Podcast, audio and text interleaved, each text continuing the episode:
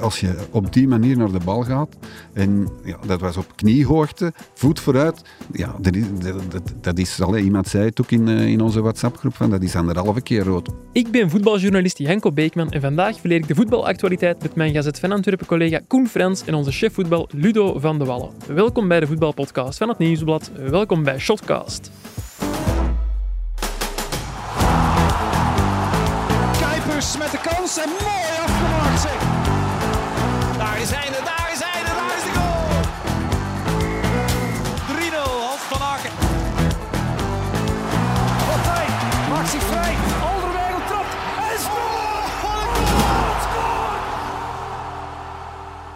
Dag Koen, dag Ludo. Dag Janko. Dag Janko. Koen, hoe was het eh, op Arsenal? Arsenal, de voetbalploeg? Of, eh? Ja, jij zei tegen mij, ik ga dit weekend naar Arsenal kijken. Ja, ik ben gisteren eh, in het Openluchttheater in Deurne naar de, de band, de muziekgroep Arsenal gaan kijken. Dus niet voetbal gerelateerd. Nee, het was goed. Het was eh, tof. Koen gaat naar Londen, die gaat met kleine oogjes aankomen in Shotcast, maar dat valt dus nogal mee. Ja, wel kleine oogjes. Ik had nog wel iets gedronken ook, maar eh, ja. ja. Nee, nee, het, viel, het viel goed mee. Ik denk dat ik om middernacht in mijn bed lag. Ja. En jij gaat minder geslapen hebben, denk ik. Wow, dat valt nogal mee. Ik moet nu wel heel geïnteresseerd zijn in muziek, want ik heb er sinds kort inderdaad een, een job bij. Ik ben eh, lid van Team Ochtend, de nieuwe ochtendshow van Play Nostalgie. En er kwamen wel wat reacties van mensen van oei, gaat er nog iets veranderen aan Shotcast op maandag? Bij deze, er gaat helemaal niks veranderen. We blijven hier ook gewoon verder doen op hetzelfde uur, met dezelfde mensen. Ook met Ludo van der Wallen, onze chef voetbal. Hoe was het vanmorgen eigenlijk, eh, Janko? Leuk, vroeg. Ik moest er zijn om eh 20 over 5 uitzonderlijk, want de show begint om 6 uur. Maar de komende weken en maanden eh, sluit ik pas aan vanaf 20 over 7, dus kan ik iets langer slapen. Dat En is wat is uw rol, uw rol juist? ja, ik ben eh, de, de sportkenner eh, van de show. ja, toch niet heel verrassend als je van een sportkrant komt. Ik snap het wel. En ik mag elke maandag de Gouden Janko uitreiken. Dat is een, eh, ja, een trofee voor sportverdiensten van de afgelopen week. Dat kan de luisteraar zijn, maar ook Kevin De Bruyne, die eh, op Westerlo niet van de trap is gevallen, of zo. En wie was het deze week? Het was een eh horsbalspeler. Ik zou zijn naam er even moeten bijnemen, want het is ja, uiteraard geen super bekende naam, maar gezien dat die sport ook niet zo bekend is. eh, zijn naam is Stijn Wezenmaal en die is op het eh, EK horsbal topschutter geworden. Horsbal, dat is dus rugby van op een paard, ongeveer. Oké. Tof, hè? Ja. Jij een eh, muziekfan, Ludo? ja, toch wel, ja. Zijn zo'n favoriete groep? Is dat dan ook Arsenal? Oh, nee, nee dat, eh, dat is niet, niet direct mijn favoriete groep. Ik probeer zo wat eh, muziek op de voet te volgen. Allee, nou, de nieuwe muziek vooral probeer ik toch. eh, elk jaar koop ik gewoon 20 cd's van groepen die nog niet bekend zijn.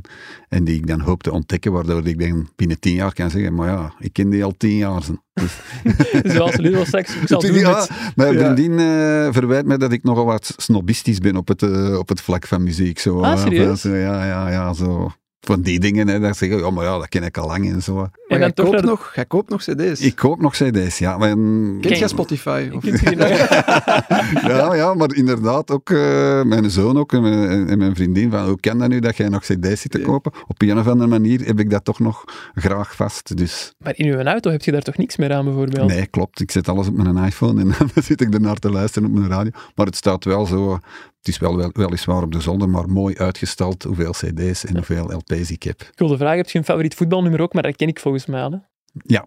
dat is- Standaard, hè? Ja, Standaard. Dat is eh, inderdaad het is clublied van Standaard. Ah, is mijn eh, ja, ja. favoriet eh Ik dacht. Hey Baby van DJ Uzi of zo. Of wat spelen ze daar dan? Ook een zeer leuk nummer. Jij een favoriet voetbalnummer, Koen? Mm, pff, niet echt, nee. Maar ik kan niet direct iets verzinnen. Nee, oké. Je overvalt me met die vraag. Ja, sorry, dat is ook dat is podcast, hè. dat is Ja. spontaan, dat is iets, ja, dat is, ik leer van alles bij bij de radio. Maar ik stel voor dat we het niet meer te lang over muziek gaan hebben, maar wel over voetbal. Anderlecht schreef gisteren zondag een beetje geschiedenis, want Paarswit klopte Charleroi met 2-1 en staat voor het eerst sinds 2016, 2017 nog eens aan de leiding nadat er vijf speeldagen zijn afgehaspeld in de Jupiler Pro League. Hoe groot is de kans, Luro en Koen, dat Anderlecht daar op het einde van het seizoen nog staat op die eerste plaats? Niet groot volgens mij. Eh, Onbestaande? Of ben ik dan te onbestaande, ja. Nee, Ja? is goed. Zeg maar onbestaande, ja. Nee, jij zegt er, Ludo. Je hoorde Nee, nee, leg, die woorden maar in mijn mond, eh, Janko. Nee, waarom? Hebben ze niet kunnen overtuigen gisteren? Of, of... Nee, maar ik vind eh, qua kwaliteit dat er bij de andere clubs, zoals eh, Club Brugge, Genk, zelfs Antwerpen ook, meer kwaliteit zit. En op de langere termijn zal dat renderen. Anderlecht heeft natuurlijk wel het voordeel dat ze niet Europees aan de, aan de Ja. slag zijn. Dus dat zal misschien toch nog wat extra punten opleveren. Maar ze hebben hebben me nog niet volledig overtuigd. Alhoewel ik moet zeggen, met die Delaney, volgens mij hebben ze daar echt wel een sleutelspe- sleutelspeler bij gehaald die Anderlecht echt naar een hoger niveau kan tillen. Ja, moeten we er misschien wel bij zeggen, Anderlecht staat ook virtueel aan de leiding, omdat de ploegen die Europees in actie komen dit weekend niet speelden. Dus zijn daar ook wel een beetje geholpen natuurlijk. Eh, je noemde de naam van Delaney al, Thomas Delaney, nieuwe Deense middenvelder. Is dat de man die, die alles gaat veranderen voor Riemer? Ja, ik heb dat gevoel toch. Eh, Gisteren heeft hij nu, eh, hoe lang heeft hij meegedaan? Een minuut of twintig, denk Ja, ik. is eh, zoiets 20, geweest, hè. 25. En de manier waarop hij speelde, waarop hij in duel ging, waarop hij zich aanwezig, aanwezig was in de wedstrijd, vond ik eigenlijk redelijk spectaculair. En vandaar denk ik, als hij elke week gaat spelen, gaat hij samen met Vertongen en achteraan, hij in het middenveld, gaat hij echt wel een heel groot overwicht hebben op, op zijn eigen ploegmaats en op de, op de tegenstander. Het is de combinatie van die, die vele nieuwe namen die, die erbij zijn gekomen. Hè. Flips was weer, was weer goed. Eh, je hebt Rits die eigenlijk altijd zijn match speelt. Ehm, ja, Ik vond hebt jullie wel minder opvallend gisteren tegen Charleroi. Rits of. Flips? Rits en Flips, allebei minder opvallend dan de week voordien. Geen Flits. Nee, Nee, de Flitsen waren al minder dan de week Nee, geleden. maar met die Flips heb je wel, die doet er op een bepaald moment naar Rabona. Dat zien ze ook wel graag daar. Dat Ja. is misschien niet direct effectief of efficiënt, maar ja, die heeft wel iets. En als hij aan de bal komt, zie je Mhm. ook wel, dat is bovengemiddeld van wat wij in België gewoon zijn. Die zijn balbehandeling. En ja, ik zeg het samen met die Delaney, met Rits, misschien ook die linksback, die er voorlopig niet in geraakt omdat een DI vrij goed speelt. Ja, misschien dat die wel eh, ja, het niveau gaan opkrikken. Maar ik moet wel Ludo bijtreden om ja, bovenaan te eindigen, dus kampioen te worden, is het wel nog te weinig, denk ik. Ja, ik las in het laatste nieuws ook dat Anderlecht nog een referentiewedstrijd miste. Ja, dat klopt. Hè. Als we die, collega's erin? Ja. Ze hebben nu vier wedstrijden op rij gewonnen. Niet vergeten, drie thuiswedstrijden eh, waren erbij. Maar het is nog geen enkele keer dat ze de tegenstander echt hebben overvleugeld. En dat moet je toch ook wel eens doen om, ja, niet alleen het vertrouwen, maar ook om, om te laten zien hoe sterk je eigenlijk bent. Want tegen Charleroi hadden ze net zo goed kunnen verliezen natuurlijk. Het is ook twee keer 2-1 en twee keer 1-0. En ja, tegen Charleroi, tegen eh, STVV, oké, dat is wel knap. Tegen Antwerpen was ook wel niet verkeerd. En tegen Westerlo dan, die ja, totaal uit vorm zijn, of hun start helemaal hebben gemist, snap ik dat wel inderdaad, dat je zegt, ze hebben eigenlijk één moeilijke match gehad, dat was die eerste, Mhm. met een totaal andere ploeg weliswaar, en die hebben ze kansloos verloren. Dus ja, Ja. is, is binnen een paar weken niet tegen Club Brugge? Eh, Ja, is, Dat eh, zal dan de referentiematch moeten worden. Hè. Ja, ze staan dus voor het eerst opnieuw aan de leiding sinds het seizoen 2016, Ja, het is 2017. natuurlijk wel fantastisch voor de supporters en, en, en voor de club Anderlecht Ja. om, om daar op dit moment te staan en vier keer op rij te winnen. Dat was ook al een tijdje geleden. Dus dat is, dat is positief voor, voor, voor die club. Maar om ze nu al direct tot uh, Nee, nee, dat niet. titelkandidaat uh, te bombarderen lijkt me toch wel uh, heel voorbarig. Dat is In- de waan in, van de eh, dag. Dat, is, eh, dat zou wel heel waan van de dag zijn. Het zou bijna waan van het uur zijn, denk ik. In 2017 werden ze wel kampioen Anderlecht. Wie was er toen coach? Ja. Weiler zeker? René Weiler. En Ja. dat is een bruggetje dat ik wilde maken, omdat er juist op de voetbalvergadering van het Nieuwsblad ging het daarover. Onze Anderlecht-watcher Jurgen Geril, die maakte de vergelijking tussen Riemer en Weiler. Kan jij hem daarin volgen, Koen? In, in, in welke zin? Want ik was niet op die vergadering. Maar, nee, nee, dat is ja. daarom dat ik de vraag aan u stel. Nee, ik, Om- ik, zie het, ik zie het eigenlijk niet. Omdat Weiler ook eh, heel hard uitging van het resultaat, Ah, zo. minder eh, aandacht had voor de manier waarop dat eh, resultaat ja dat heb je bij die Riemer ook wel. Hè. Ja. Eh, enfin, die ziet altijd dingen die wij wel niet zien. Maar ja, dat fantastische, Peter ook uiteindelijk. Hè. Ja, oké. maar ik vond Weiler misschien nog net iets cynischer of zo in zijn wedstrijdaanpak dan Ja. Riemer. Riemer Verdedigender ingesteld. Ja, dat leek mij wel. En toen heel veel kritiek gekregen. Ik heb onlangs nog een stuk van Jurgen gelezen. Ik denk toen, ze, toen, ze Weiler, of toen Weiler in, Europa tegen een Belgische ploeg uitkwam. Ja, die heeft veel kritiek gekregen, maar het is wel nog altijd de laatste die met, met een Anderlecht kampioen is geworden. Dus achteraf gezien was dat misschien wel gemakkelijk om te zeggen, ja, dat is Anderlecht en jullie moeten zo en zo spelen. Je kunt niet op een andere manier kampioen worden. Ja, ik denk dat Anderlecht supporters ondertussen al een been zouden geven om op die manier kampioen te kunnen worden. Ja, en ik, ik, ik- er komt nu ook wel, allee, kritiek is misschien veel gezegd, maar er komt wel reactie op het spel van Anderlecht nu, dat het nog niet, niet denderend is, dat het nog niet wauw of oogstrelend Vanwege de is. fans dan bedoelt je? Of? Eerder buiten staan, nu dat de Ja. Anderlecht-fans zelf niet klagen op dit moment, maar ze hebben ook wel verzachtende omstandigheden, vind ik. Tien nieuwe spelers lijkt mij ook niet zo evident om die op een paar weken tijd vlot te laten voetballen. Nee, en ik vind dat sommigen al vrij goed zijn ingepast. Hè. Dolberg, die kunt je eigenlijk al niet meer uitdenken. Die gaat er ook altijd gewoon staan. En ik vind dat hij altijd zijn match wel speelt. Rits en Flips, die waren er net. En er stond in de krant al een titel Flits. Eh, nu was het dan misschien iets minder, maar je kunt dat niet elke week misschien eh, brengen. Dus ik vind het nog wel meevallen. Van die Ik vind toch niet spelers dat je die erin dat, dat passen. mo- mocht overschatten, die automatisme waar dat hem Nee? het altijd over heeft. Als je goede spelers hebt, dan heb je goede spelers en dan, dan speel je goede wedstrijden. Punt uit. Goed, af en toe zal het wel eens wat automatisme zijn. Maar ja, Union is daar toch ook een heel goed voorbeeld van. Zij spelen, als ze hebben dan die nederlaag geleden in, eh, in Mechelen, maar ze winnen dan wel van Lugano ook. Hè, ze hebben nu eh, zes wedstrijden, vijf of zes wedstrijden gespeeld. Ze hebben er vier, van, vier of vijf van gewonnen. Dus ze hebben nog maar één keer verloren. Dus, en dat zijn ook allemaal andere spelers. Hè, dus laat ons daar niet over, over roepen. Nee. Het, is, het is wat Koen zegt. eh, Ze hebben wel andere spelers nu gewoon. Ze hebben gewoon betere spelers. Het is gewoon dan een betere ploeg. Ja, Ja. voilà. De man die de eerste goal maakte voor Anderlecht gisteren, Theo Leoni. 23 ondertussen, heel laat doorgebroken in, de eerste elftal. Hoe hoog moeten we die inschatten, Ludo? Ja, ik eh, heb daar toch heel veel reserves tegenover. Ja, die jongen die doet het heel goed, die kan voetballen, je ziet dat allemaal, maar is 23 jaar. Dan vraag ik me toch altijd af, hoe, hoe komt het dat het zo lang heeft geduurd? Bij verdedigers kun je dat wel eens hebben, dat die op la- latere leeftijd eh, in, in het team komen en die dan op een of andere manier toch nog een mooie carrière maken. Maar voor aanvallers, daar zie je toch al redelijk snel, eh, aanvallend ingestelde spelers, zie je toch al redelijk snel dat die talent hebben en, en, en wat ze allemaal kunnen. En dat dat dan bij Leoni zo lang heeft geduurd. Met verschillende trainers, toch? Hè, Company is daar ook geweest, eh, niet vergeten. Mazou is daar geweest, die zagen dat er dan allemaal niet in. En nu zou dat dan plotseling een fantastische speler zijn. Ik stel me daar vragen bij. Maar goed, die jongen die doet het fantastisch. Hè. We begrijpen niet verkeerd en geeft hij nog tijd. En als hij bevestigt, eh proficiat, zeker en vast. Maar ik, ik, ik ga nog niet te hoog van de toren Ja. blazen wat Leoni betreft. Ja, ik denk dat ze gewoon niet allemaal op 18 eh, in de eerste ploeg kunnen staan. Ik, ik denk dat Xavi en Iniesta ook al twintigers waren toen dat die bijvoorbeeld bij Barcelona in het eerste elftal kwamen. Ik moet nu wel zeggen... Leoni kende Xavi van Anderlecht worden. Ik Nee, al die tegen quote- Koen? nee, is- nee, nee, nu zitten mij woorden in de mond aan het leggen. Ik moet wel zeggen, vorig jaar was dat een aanvoerder van de Futures. Mhm. En die hebben tegen Beerschot gespeeld. En ik heb moeten gaan opzoeken of die effectief heeft meegespeeld. Want ik herinnerde mij niet de prestatie van Theo Leoni tegen, tegen Beerschot. Dus Het is ook niet dat type voetballer natuurlijk. Het is nee, de man van de het is meer flitsen. een, ja, het is geen man van de flitsen. Het is een eh, centrale middenvelder, controlerende middenvelder, aanvallende middenvelder. Ehm, maar hij, heeft, Knappe hij is mij wel. toen niet opgevallen, alleszins. Maar ja, het was wel de aanvoerder van de Futures. Heeft een heel jaar profvoetbal gespeeld daar.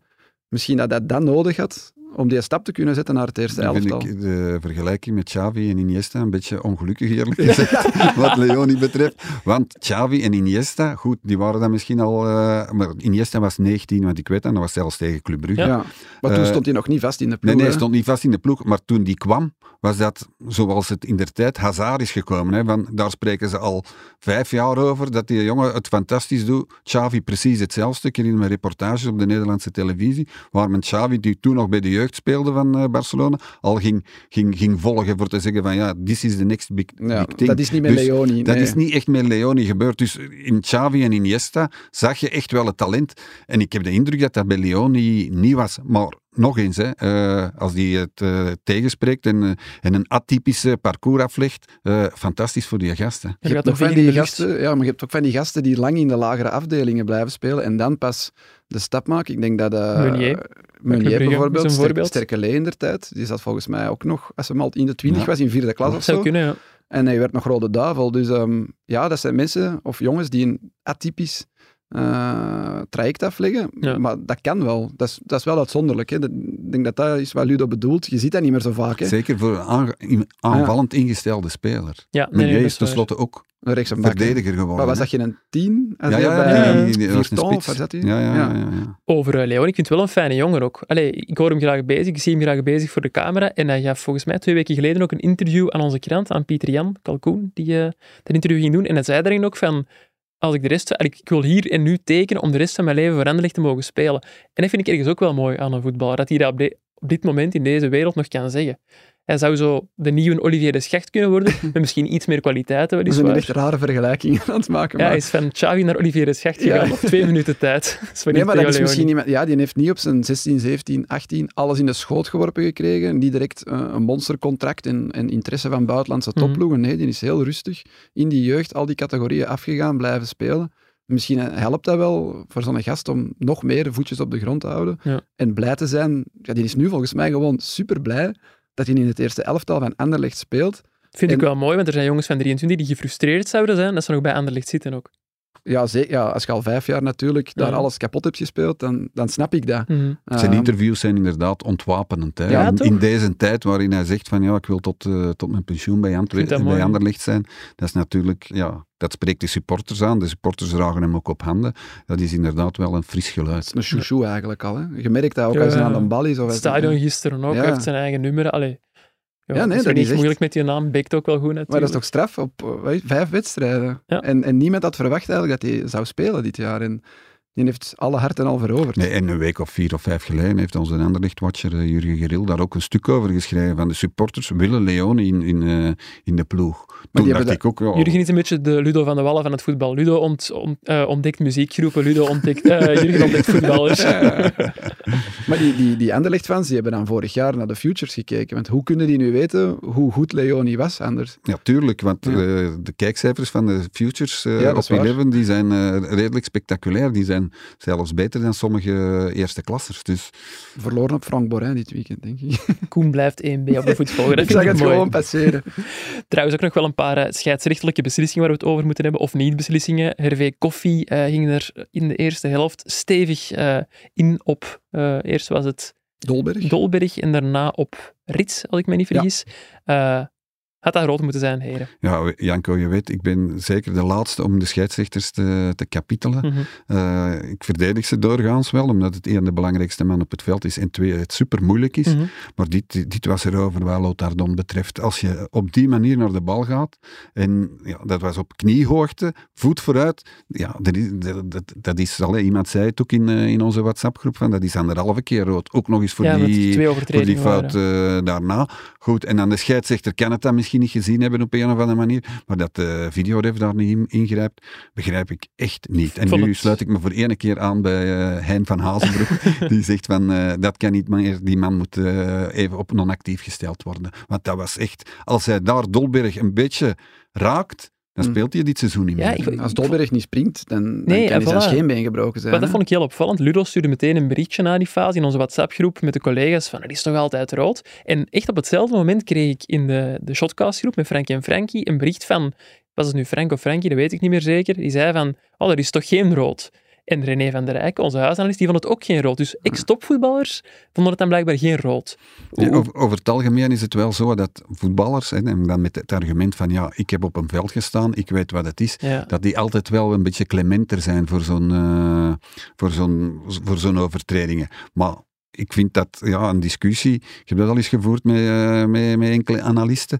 Het gaat niet over wat zij hebben Nee, meegemaakt nee, nee. en of dat het mag of dat het niet mag. Frank Kraas zei nog in de, in de shotcast eh, vorige week van ja, goed, vroeger in de jaren negentig werd er veel harder gespeeld, Mhm. werd het, was, het, was het echt geen mooi voetbal. Dus wat, wat wij willen zien op de tribune, en ik denk toch de supporters ook, dus neutrale supporters, de voetballiefhebbers echt, die willen gewoon goed wedstrijden zien, eh, goede wedstrijden zien, goede spelers zien, op hun best. En dat is niet door die door, die door midden te, te trappen. Dus eh, laat, dat vind ik wel dat wij als eh, waarnemers, en ik heb het nu niet over journalisten, maar ook over voetballers, voetballiefhebbers in het algemeen, daar onze keuze mogen zeggen van ja, alsjeblieft, geef daar rood voor. En of dat je dan vroeger hebt gevoetbald of niet hebt gevoetbald, dat maakt even niet uit, vind ik. Ik ben team Ludo en niet omdat hij mijn eh, evaluatie moet doen op het einde van het jaar.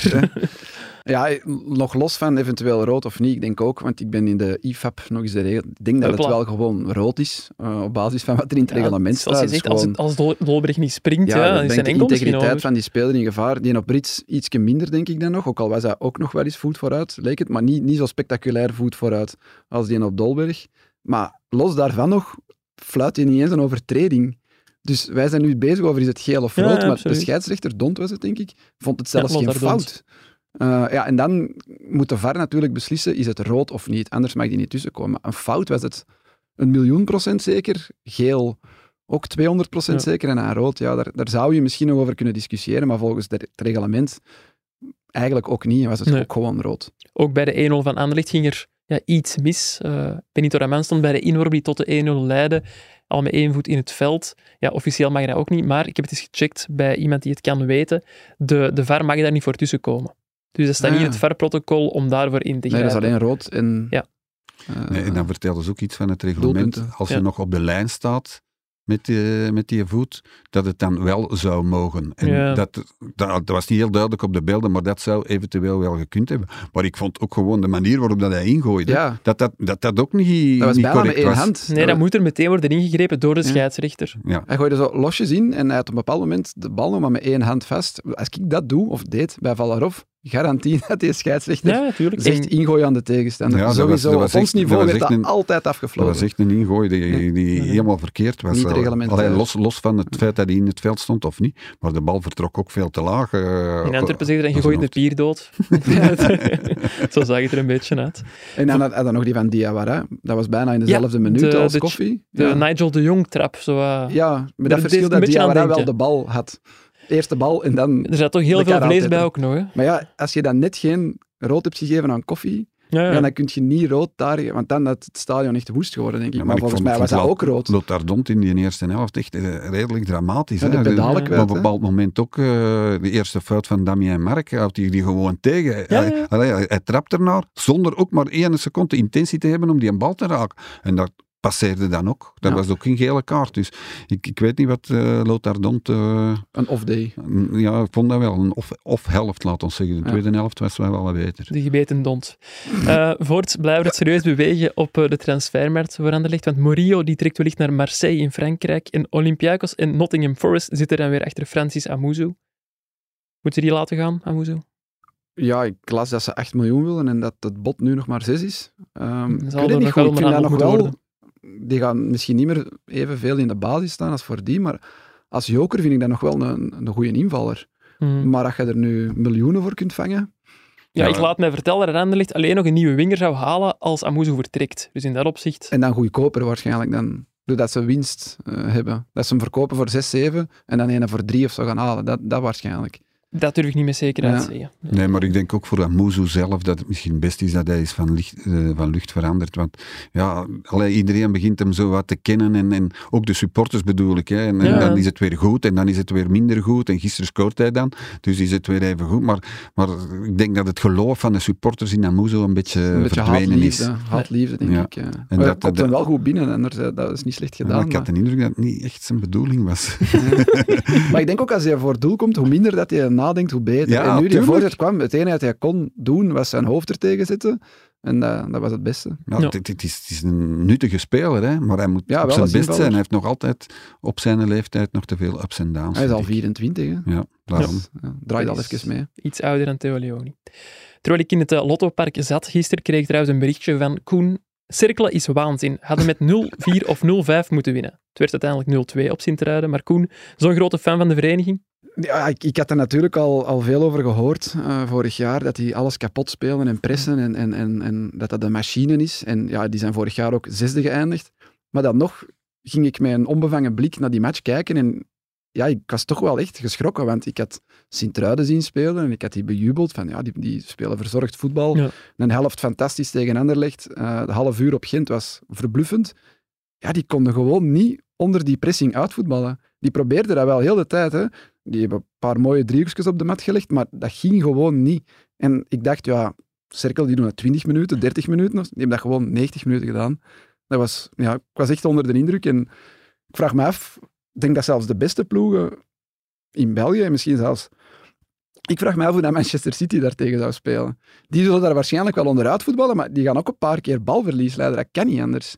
Die zitten gewoon soms met drie spelers op één Ik speler. denk, ik denk nu Manchester City dat een heel, een heel grote vergelijking aan het maken. een, heel, een heel slecht voorbeeld is, want als er nu één ploeg dat zou kunnen, dan, dan, dan is het zo. En dan denk ik niet dat die veel balverlies gaan, Ja, ik- eh, gaan leiden. Die zijn qua bal, balcirculatie zo goed. Maar ik vind die Muslin doet dat heel Moeslik. goed. Ik zie dat voetbal heel, absoluut niet graag. Want als twee ploegen zo spelen, dan heb je een flipperkast. Ja. Dan heel bam, bam, dat was bij Maar- momenten ook wel in de dat, eerste helft. dat doet Moeslin doet dat goed als zijn uh, cirkelbrugge. En wat is het probleem in België? Want hoe, gaan we er, hoe, hoe gaan we daar ons tegen wapenen? Is dat er niemand de kwaliteit heeft om daar tegen te voetballen. Ja. Omdat die spelers niet goed genoeg zijn. Maar die Torsten Ving, die moet dat nu toch geweten hebben op nee, voorhand. maar, maar die, en die zijn probeert spelers, dat toch. Die zijn spelers toch. zijn niet goed genoeg om, om dat te doen. Is het een overschatting van uw eigen En, spelers? en dat, Club Brugge heeft vorig jaar precies hetzelfde meegemaakt in die derby. Die jongens die blijven lopen. Want nu zeg je, Koen, ja, ze hebben die altijd gejaagd. Nee, in tegendeel, de laatste twintig minuten gingen ze er nog over ook. Hè. Ja, dus, ja. eh, dan, want Sint-Truiden kon het zelfs, die misschien zoveel kilometer minder hebben gelopen, konden, konden dat zelfs niet meer houden. En dan eh, ze stak uh, Cirkel Brugge nog een, een tandje bij, waardoor Ja. dat ze wonnen. Dus dat is, ja, eh, dat is heel goed gedaan van, eh van Moeslin. Ah, het was ervoor eigenlijk ook al, hè, met die taalhammer en zo, was het ook altijd maar eh, pressing. Maar eh, in de Belgische competitie heeft geen enkele club de capaciteiten om daaronder uit te voetballen, als Maar die komen. STVV kan fantastisch uitvoetballen. En die hebben dat een paar keer gedaan. En dan zijn ze er wel door. Als Ja, je ja, ja. door die eerste linie geraakt, of misschien door die tweede, dan ligt er heel veel ruimte. Dat was een paar keer gelukt met Koita en, en met die Bokat op links. Je kooit dat ook toffe voetbal, ja. Ik zie hem ja, ja, die, spelen ook wel zijn match, maar die speelden zo ver van doel, omdat die van achteruit proberen uit te voetballen en cirkelen daar direct met ja, zes, zeven wolven opvliegt. Mhm. Ja, die geraakte bijna niet aan de overkant. En als die aan de overkant geraken, hadden die er een waanzinnige inspanning op zitten, omdat die helemaal van achteruit komen. Terwijl cirkelen, ik heb dat eens gecheckt, alleen Eupen heeft minder de bal in België dan cirkelen. Dat interesseert die ook niet. Nee, nee, nee. Die laten, de die laten de bal aan een tegenstander en op het moment dat ze kunnen, proberen die die gewoon zo snel mogelijk af te pakken. En dan spelen die vrij direct, want die verdedigers die voetballen niet echt uit bij cirkelen. Nee, maar ik, Dat is ik- ik- no-nonsense. vind het, ze doen dat heel goed, hè, maar ik vind het eigenlijk niet goed voor het voetbal, eh, dat soort Ja. voetbal. Dat, ik, ik, ik kijk daar niet graag Nu naar. hebben ze Maar, wel nog een waanzinnig leuke speler ingebracht, waarvan ik ook naar u had gestuurd. Ik denk dat dat de beste invaller in België moet zijn. Dus maar- die moet in de basis staan binnenkort. Ja, onze Ecuadoraan daar. eh, Alan Minda. Minda, ja. Dat was, eh, ja... Top 1 na duurste transfer in de geschiedenis van Cercle Brugge. ja u Anderhalf miljoen genoemd? euro. Of had jij die als eh, Ik, revelatie die, getipt? ja, ik zal die wel getipt hebben Ja. in de voorbeschouwing. Ik had goed Smits getipt en die was ook wel goed. Cercle gewonnen toch? Ja, ja, ja, nee, nee, die Minda was wel... eh, ja, die brengt dat nog op een moment dat je denkt, ja, Cercle kan het niet meer. Maar dan duwen die zo'n speler erbij, die dan bij één versnelling eigenlijk heel die verdediging openrijdt. Ja, dat is gewoon... Ja, ik Ja, was echt wel onder de indruk van ja, Cercle. ja, en geen versnelling op, eh, op 20 meter, hè, was Nee, een nee, versnelling op 5 meter. En- Overstap en weg. ja, Ja, dat was fantastisch. Want Ja. hij scoort eigenlijk. Hè, want in Denkie die zet zijn voeten Ja. nog tegen. Ik weet niet of dat hem er was ingegaan. Denk maar het het was wel. eigenlijk wel zijn, Ja. zijn doelpunt hè, van, eh, van Ja. Minda. Vorige week gescoord. Ja, dat was eh, duimers en vingers aflikken, moet ik zeggen. Is de vergelijking met Jeremy Doku overdreven, Ludo? Nee.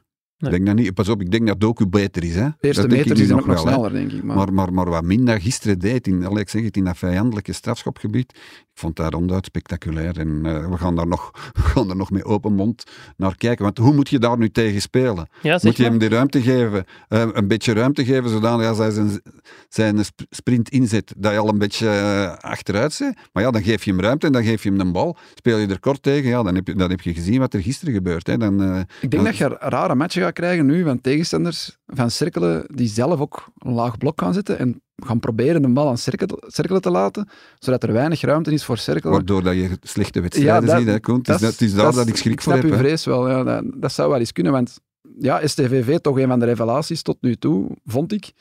Ja, die doen dat dan wel goed, of die proberen dat dan wel, maar het gaat gewoon niet. En dat gaan die andere ploegen nu ook gezien hebben.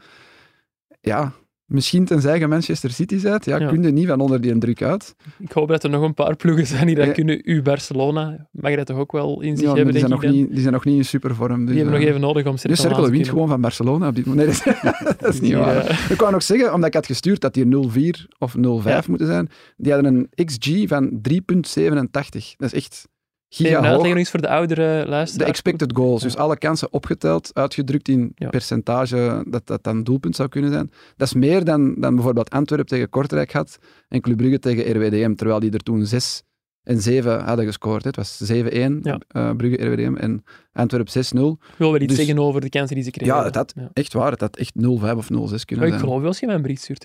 Ik was niet aan het, eh, aan het liegen. Hè. Ja. Voor alle duidelijkheid. En die verschil, want die hebben nog maar vijf goals gemaakt. En die verschil in expected goals en effectief goals gemaakt is het grootste ook in. Dus ze, zijn hadden ook hoger kunnen staan dan waar ze nu ja, staan. ze hadden nog meer kunnen scoren, alleszins. Eh, en er heeft ook nog altijd niemand tegen gescoord. Want die hebben twee tegengoals, maar dat waren twee ongoals. Dus nog los van het feit dat die pressing vooruit indrukwekkend is, verdedigen ze ook gewoon heel goed. Ja, als je een bal een keer heel hoog verovert, dan uh, Ja. geraakt een tegenstander niet vaak tot bij je doel. Hey, goed. Miro de Muzelic doet dat niet slecht. Ik ben zaterdag trouwens eindelijk voor eh, de allereerste keer in het Kuipje in Westerlo geweest. Heel leuk stadion, moet ik zeggen. Ja, super toch? Ja, er zijn toch weinig stadions in België waar je zo dicht op het veld zit. Ja, ja. Eupen is ook zo. Hè. Eupen zit je er ook heel Ja, dichtbij. dat maar, maar, maar dat is verder, hè. nee, en er is ook doorgaans veel minder volk. Dus eh, nee, ja. Westerlo is, is tof. Tof publiek ook, vind ik altijd. eh Ja.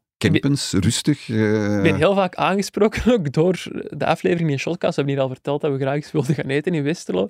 En echt die mensen die tegen mij begonnen. En Janko, kom de eten. Ik zeg, maar nee, ik kom gewoon voetbal kijken. Ik ben hier niet om te profiteren. Gewoon Supporters of mensen van de club? eh, gemengd. Supporters Ah, ja. en mensen van de club. Maar we Ja. gaan eens, hè? Ja, we zijn effectief ook al uitgenodigd om te komen eten. Maar dat is Tegen niet- Kortrijk. ja, dat is ook niet echt de bedoeling, maar als ons uitnodigen, zullen we toch maar gaan. Eh, Oeh, oeh, jij wil nog niet meer. Jawel, ik kan jawel, nu ik- nog mee, ik wil- ik mee vragen. Oh, maar ik wil niet zo de profiteur lijken, nog Ja. niet. Maar wie wel al is gaan eten, is gaan voorproeven voor ons, dat is eh, Kevin De Bruyne. Die was, eh, die was ook aanwezig in het Kuipje. Blijkbaar voor zijn vriend Steven de Voer. hè. Die, eh, Ja, maar heb je Die, hem gesproken? Of- nee, nee, nee. Dat nee. ging niet. Ik heb een poging gedaan. dus ik zal misschien vertellen, ik stond zo... Ik had eigenlijk een plaats richting cornervlag. Op, ik wou zeggen op de eerste ring, maar er is ook maar één ring op Westerlo. maar voor de aftrap dacht ik, ik ga me zo aan de spelerstunnel zitten. Ten eerste omdat ik dat leuk vind, omdat je zo dicht op het veld zit, om te kunnen zien wat er allemaal gebeurt, wat er beweegt, wie praat met wie, wie spreekt er met wie. Maar ik dacht ook van ja, als Kevin De Bruyne nu toch al op zijn plaats zou gaan zitten, kan ik hem misschien toch iets vragen. Maar ja, uiteraard kwam hij maar ja, een paar seconden voor de aftrap naar buiten. Is dat niet meer gelukt. Dan na de eh, wedstrijd wilde ik een nieuwe poging ondernemen om tot bij hem te geraken. En werd ik, maar ja, ik had geen, geen accreditatie, ik had geen bandje ik zat er zo gezegd als supporter. En eh, werd ik tegengehouden door security, ben ik echt naar buiten geleid. En zo. Dus ik ben ja, niet dichter dan 10 meter in de buurt van uh, Ja, Kevin wat jij geraakt. vragen? Ik heb Ja, iets voor de krant. Hè. Ja. Wat doe jij hier? Wat- Ja. Had je de juiste pronostiek? Wat vond je van, van Westerlo? Wat De vond je van had hem juist, blijkbaar. Blijkbaar, het is 2-3 geworden voor KV Mechelen. Moet er die misschien bij security zitten. had u dus niet herkend. eh, Nee, ik zeg, je mag hier volgende week wel komen eten. Hè? nee, dat heb ik niet Nog gedaan, voor de werk aan de winkel, eh, Janko. Nog heel veel werk. En met de radio gaat er geen verandering in komen, dat ziet je niet. Ja, alhoewel, vorige week had je in de krant toch een redelijk grote foto, moet ik zeggen. Ja, ik denk dat ze heel veel plaats hadden in die krant. Uit. Hè, dat, dus- ik, dat ik leuk vond eh, op Westerlo en aan zo dicht bij de spelerstunnel geraken, ik kon nu echt de reflexspray ruiken. En dat is voor mij echt zo, ja, een heel nostalgische geur. Vroeger ook al had ik geen blessure. Ik, Nostalgisch, 27 Ja, jaar. ik Ja, al zeggen. over nostal- nostalgie. Toen ik nog ja, voetbalde. ik ben al drie Ja. jaar gestopt met voetballen ondertussen. Ah, oké. Maar vind je dat echt geen leuke geur? Het gras riekte daar ook echt, hè? Ja, op Westerlo. Ja, dat is waar. Zo Het had een beetje veld. geregend. Ja, dat riekte dat, ja. Nee, ik vind dat ook altijd fijn dat je... Ja, dat is zo'n kleedkamergeur. Je, je, je kunt dat niet echt uitdrukken. Hè. Dat is zo'n beetje gras. Ja, Eh, en, ja, ik ben nu niet in de perszaal geweest, maar als je Nee, naar de perszaal gaat, moet je Passeren ook door de spelerstunnel eigenlijk. Hè? Ah, echt? Ja, ja, ja. ja. Vroeger, ik heb daar nog in het toilet gestaan, eh Westerlo Anderlecht, tijdens de rust. Ja. En naast mij kwam eh, Proto ook zijn, eh, zijn plasje doen, tijdens de rust dus. Hè. Allee. Dus ja. Dat kan daar allemaal. Hè. Dat is Westerlo. ja nee, nu niet meer. Nu kun je daar niet nee, meer door. dat is net. Ja, Toen moesten wij gaan, naar het toilet gaan, een beetje verder, naast de kleedkamer van de bezoekers. in tweede klasse was dat nog, effectief. Ja. Dat is nu niet meer. Allee, tof, Westerlo. Daar gaan we nog komen dit seizoen. Misschien toch eerst even over de winnaar van die wedstrijd hebben, KV Mechelen. Ik was wel best onder de indruk, moet ik zeggen, al voor rust en dan zeker na de comeback van KV Mechelen. Ehm, heeft KV Mechelen na de topclubs het strafste offensieve compartiment van België? Als je naar die namen kijkt. Ehm, Geoffrey Heiremans, Kerim Rapti, Nicolas Storm, Leon Lauberlach niet te vergeten. En dan nog Pat- Patrick Flukke, de man van de drie assists bij zijn invalbeurt. Dat is toch straf? ja, dat zeggen we nu na deze is de waan van de dag, denk ja, ik, Koen. ja, of van de voorbije twee wedstrijden. Ja, ja, dat is Pas waar. op, die twee Duitsers, ik ben ook wel, wel fan. Hè. Van Lauberbach waren we wel fan. En in deze hebben we nu ook gezien dat hij echt wel, dat echt wel een goede spits is. Ja, want jij hebt er een beetje over opgezocht, ik, over eh, Patrick, Patrick. Ja, ik was vooral eh, geschrokken dat hij zo goed Nederlands sprak. In Ja. het interview na de match, dus hij had bij Roda gezeten. Roda JC. Ehm, en dat is een Duitse jeugdinternational. En dan Mhm. ga ik op Transfermarkt altijd doorklikken. En ik zag dat hij gescoord had in een match 6-0 tegen Kazachstan met de U19. Zouden we ook nog kunnen. En hij maakte de 1-0, een vrije trap, blijkbaar. Ik heb de beelden nog niet opgezocht, hè, dus ik ga gewoon af op wat er op Transfermarkt. En Timo Werner, eh, Jonathan Ta en Leroy Sané stonden ook op het veld. En hij mocht, de vrij, hij mocht de vrije trap nemen en scoren. Maar tegen Kazachstan. Ja, oké, maar toch. Zeg iets, hè. Ja, Nee, toch. maar ja, dat, dat, ja, en je zag nu ook wel, die pas buitenkant voet Ja, bijvoorbeeld, die derde, ja, dat, zo trappen er niet veel in België, een, een voorzet. Dat is echt een fenomenale assist eigenlijk. Dus ja, ik, nu verwacht ik er wel veel van. Ja.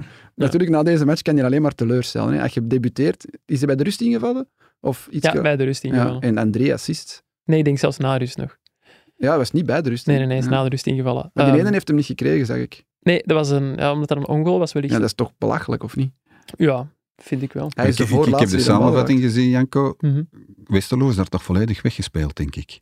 Ik heb eh, de twee doelpunten van, van, van Westerlo gezien als aanvallende acties op, op de samenvatting. En de rest was allemaal KV Mechelen. Er is een periode in de eerste helft geweest dat Westerlo beter was, maar ik vond KV Mechelen wel de betere ploeg. Want voor de voorsprong van Westerlo kregen ze ook al een paar kansen om op voorsprong te komen. Dan waren ze gewoon efficiënt genoeg. ik vond het gek dat Stassijn bij de rust... Was bij de rust? Ja, ik denk dat hij bij de rust zei, ja, we staan hier dik verdiend op voorsprong. En ik Hmm. dacht, vriend, jij hebt een andere match. Soms hebben die voetballers dat volgens mij Ja, maar ik kan daar ook wel door. geloven dat dat moeilijk is als je in die wedstrijd zit om dat deftig te analyseren. En dan na de match, als je, dat best te kunnen. als je alle kansen optelt na die match, ja, dat dat hoger kunnen oplopen dan 2-3, denk ik, voor KV Mechelen. Dat was absoluut niet onverdiend, in tegendeel. Nee, nee, allerminst, allerminst. Trouwens, nog een opvallend moment eh, in de eerste helft van eh, Westerlo KV Mechelen. Een drankpauze. Ik weet niet of jullie zaterdag zijn buiten geweest. Het was niet extreem warm of zo. Hè? Nee. Nee, en het was waren- zelfs regenachtig, niet? Ja, ja, het heeft geregend tijdens Ah, de ja. wedstrijd zelfs nog. En ehm, er was op dat moment ook wel een, eh, een technisch probleem blijkbaar met het oortje eh, van de assistent scheidsrechter, dacht ik. En heel veel mensen dachten dat het daarom was, maar ik heb het gecheckt bij de bevoegde instanties. Blijkbaar is er effectief door beide ploegen een eh, drankpauze aangevraagd. Moet het niet minstens 25 graden zijn of zo? Nee, er staat blijkbaar als één ploeg eraan eh, aanvraagt en de andere gaat ermee akkoord, dan mag je een drankpauze Dus dat kan ook in de winter. Ja, zou kunnen als ze thee willen drinken na 25 minuten, ja, in principe. Dat is dan wel. het zijn om time-outs eh, Ja, inderdaad. Ja. in te voeren. Eigenlijk wel. Ja, En moet dat ik dan niet. stipt halverwege de helft zijn, of mag dat ook op een ander Nu stel je moeilijke vragen, Koen. Dat zal ik tegen Ja. volgende week voor u checken. Oké, dank u. Eh, bij Westerlo zijn ze uiteraard minder gelukkig dan bij KV Mechelen. De Kempanen staan eh, samen met KV Kortrijk allerlaatste met een schamele 1 op 15. Tijd voor een babbel dus met onze Westerlo-watcher Kirsten Steurbout. Dag Koen, dag Janko. Ja, het is eh, duidelijk dat ze in Westerlo meer hadden verwacht eh, van de start van het seizoen. De club investeerde deze zomer meer dan 15 miljoen in de selectie. En eh vicevoorzitter Hassan Setinkaya die droomde er stiekem van om beter te doen dan eh, de top 8 van vorig jaar. Het is dan eh, ook geen verrassing dat de 1 op 15 voor wat meer zinwachtigheid zorgt. Je voelt dat een beetje aan alles. Je wordt als journalist wat meer op afstand gehouden. Mensen binnen de club beginnen zich te ergeren aan kleine dingen. Er komt wat meer kritiek op artikels die in de krant verschijnen. Toch zou ik nog niet zeggen dat er eh, blinde paniek heerst in het Kuipje. Jonas Droek, die staat sowieso bekend als een trainer met een eh, rustige persoonlijkheid. En, en ook na vijf matchen eh, zonder zegen oogt hij nog steeds relax. Er zijn wel een aantal verklaringen waarom het wat minder loopt bij Westerlo. In vergelijking met vorig seizoen verloor de club bijvoorbeeld 70% van zijn doelpuntenproductie. Met onder andere het vertrek van Foster in januari. De Kuiper die terugkeerde naar Club Brugge. En eh, achterin oogt, eh, het, is, het, is Westerlo nog steeds eh, kwetsbaar en slikt het te gemakkelijk doelpunten. Van de top 12 incasseerde vorig jaar niemand meer tegengoals. En eh, in de laatste 12 wedstrijden kon Westerlo slechts één keer de nul houden. Om het ja, met de woorden van Bob Peters te zeggen, dan, dan weet je dat het al al moeilijk wordt. Dus defensief is wat extra stabiliteit wel wenselijk. Of de positie van Jonas de Roek nu onder vuur staat eh, na de 1 op 15, eh, dat is moeilijk in te schatten. Eh, voor de Turkse baas in Westerlo is de eerste keer dat ze eigenlijk met een, een, moeilijke periode worden geconfronteerd. De voor, voorbije jaren ging het allemaal crescendo omhoog. Je had dan de promotie, je had het fantastische jaar in eerste klasse. Maar ik zou denken dat, eh, dat de Roek nog wel even het vertrouwen kan krijgen van, eh van Setinkaya en van eh, voorzitter eh Oktay Ercan. Setinkaya is altijd heel lovend geweest over de Hij noemde hem zelf al meermaals een trainer die, die op termijn de Europese top kan halen. In voetbal heerst vaak wel de waan van de dag, maar het zou mij dan zou mij wel straf lijken als, als Jonas op, op enkele weken tijd al het krediet dat hij de voorbije seizoenen heeft opgebouwd uh, meteen kwijt is.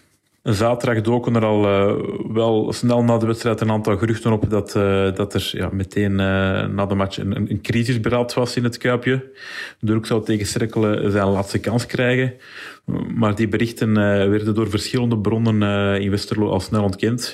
Voorzitter Oktay Ercan was bovendien, die zou bovendien niet aanwezig geweest zijn. En Setinkaya heeft in alle emotie na het laatste fluitsignaal het stadion verlaten. Ik zou er geen geld op durven inzetten, maar tenzij Westerlo in, in Brugge een, een pak, slaag krijgt, pak slaag krijgt tegen Cerkelen, denk ik dat er ook nog wel even de tijd uh, zal krijgen om de trein op de rails te krijgen. Westerlo is trouwens niet de enige ploeg die in slechte papieren zit, of vieze papieren. Standaard en KV Kortrijk speelden 1-1 gelijk en blijven zo dus ook allebei onderaan de stand bengelen. OHL ging dan weer met 3-1 onderuit op Eupen. Ludo, je bent ja, al langer de meester voorspeller van Shotcast. U, misschien op Palmares even meegeven, wat heb je allemaal al voorspeld? Bert Verbrugge wordt de toekomstige nummer 1 van Oranje. Na één wedstrijd bij Anderlecht, denk ik. Nee. Twee? Dat, uh, nou, tijdens de rust van de eerste wedstrijd. nee, nee, ik denk dat, uh, ik weet het meer. Nee. Mogen we nog uitspraken op uw konto schrijven? Ja, Dela denk ik. Hè, dat ik Dela, ja, Ronnie Dela, waar, dat waar, ik toch, toch graag mee uitpak. Uh. Ja. dat is waar, die bingo, graag mee uit. Die bingo-kaart die komt uh, steeds volop te staan. Nu zeg eens, uh, van welke trainer moeten we het eerst afscheid nemen in de Jupiler Pro League? Vincent Euvraar niet meegerekend. Ik denk eerlijk gezegd dat Mark Brijs in lastige papieren zit. Omdat hij... ja, hij neemt ook een beetje afstand van het bestuur. En dat is meestal wel uh, de laatste stap. Zeker voor een bestuur die zich dan uh, gekrenkt voelt in, uh, in zijn ego. Dus ik denk dat Mark Brijs in lastige papieren zit. Of dat dat terecht zou zijn, zeker en vast niet. Maar ik denk dat die op een wankele stoel zit. Ja. Ook omdat OHL speelt eigenlijk gewoon helemaal niet goed. Speelt hij van het weekend niet tegen Kortrijk? Als ik me ja, niet vergis. spelen tegen Kortrijk. En onze... Want, OHL speelde dus op uh, Eupen. Normaal gezien zouden we daar onze Eupen en onze uh, OHL-watcher zitten.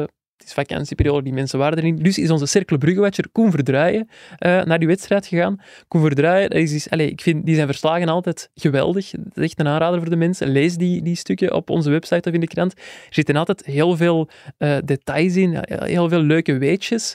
En ik heb nu aan Koen ook eens gevraagd voor een kort verslagje over die wedstrijd en vooral over de twee coaches van beide ploegen. Hey Janko, ik was uh, zaterdag inderdaad in Eupen. Men zegt altijd naar Eupen gaan is een beetje reizen, maar dit valt echt wel mee op een pseudo-zomerse dag. Uh, er zijn weinig files, een gezellig stadion, een mooi clublied, een aanrader, Vier Sint Da. Moet je even luisteren. En, en dat klinkt nog beter tegenwoordig met die nieuwe trainer, een, um, Duitser, jonge veertiger, um, Florian Kofeld. Um, vlotte man, vlotte kledij, uh, coacht op uh, witte Nike sneakers. En, en uh, ook een individuele aanpak. bijvoorbeeld bij de rust zie je als de spelers naar de kleedkamer gaan. Hij gaat direct ehm, naar hen toe, praat op hen in. Ook op de persconferentie. Hij zoekt oogcontact met de aanwezige journalisten, vriendelijk knikje, uh, goede analyse ook. Uh, en hij laat uh, dat Eupen vlot aanvallend spelen. Het levert ook ehm, resultaten op. Iets wat zijn collega aan de overkant, Mark Brijs, momenteel niet heeft bij Leuven. Er zou in Leuven wat uh, Brijsmoeheid zijn. En, en we kennen uh, Brijs al lang. Hij, praat nogal op, op dezelfde monotone wijze. Maar wat hij zegt klopt meestal wel. Ook zijn wedstrijdplan. Alleen zit het even niet mee. Maar het was wel opmerkelijk hoe Brijs op de persconferentie inging op alle moeilijke vragen. Veel van zijn collega's zouden echt ja, beginnen moeilijk doen. Deed hij absoluut niet. Hij ging er echt telkens telkens correct op in en meer zelfs. Na de persconferentie, het officiële gedeelte, kwam hij bij mij en mijn andere Nederlandstalige collega om te vragen: Jongens, hebben jullie nog vragen voor mij? Anders sta ik ter beschikking. En wij waren zo verbouwereerd dat wij gewoon hebben gezegd: Nee, coach, het is goed, succes. En uh, tot de volgende keer. En dat zal dan vrijdag zijn. KV Kortrijk is nu al voor dit Leuven um, en voor Kortrijk ook een zespuntenmatch. Um, maar je, je, hoopt eigenlijk dat uh, Brijs dit uh, recht trekt, want alleen voor zijn vakmanschap en zijn houding zou hij dat wel verdienen. Mark Brijs.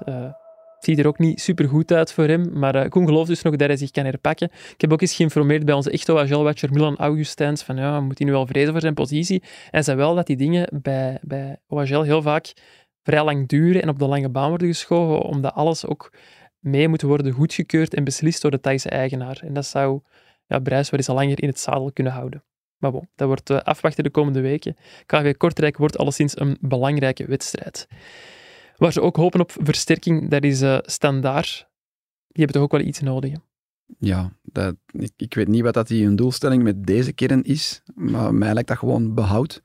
Uh, en Karel Hoefkes, ja, dat is dan ook een trainer die wordt genoemd bij de potentiële snelle uh, ontslagen. Maar ik, ik, ik weet het niet. Ja, misschien dat Moeslic beter zou doen met dit, dit standaard. Misschien dat je er op een andere manier wel resultaten mee kunt boeken, maar volgens mij is die kern gewoon echt...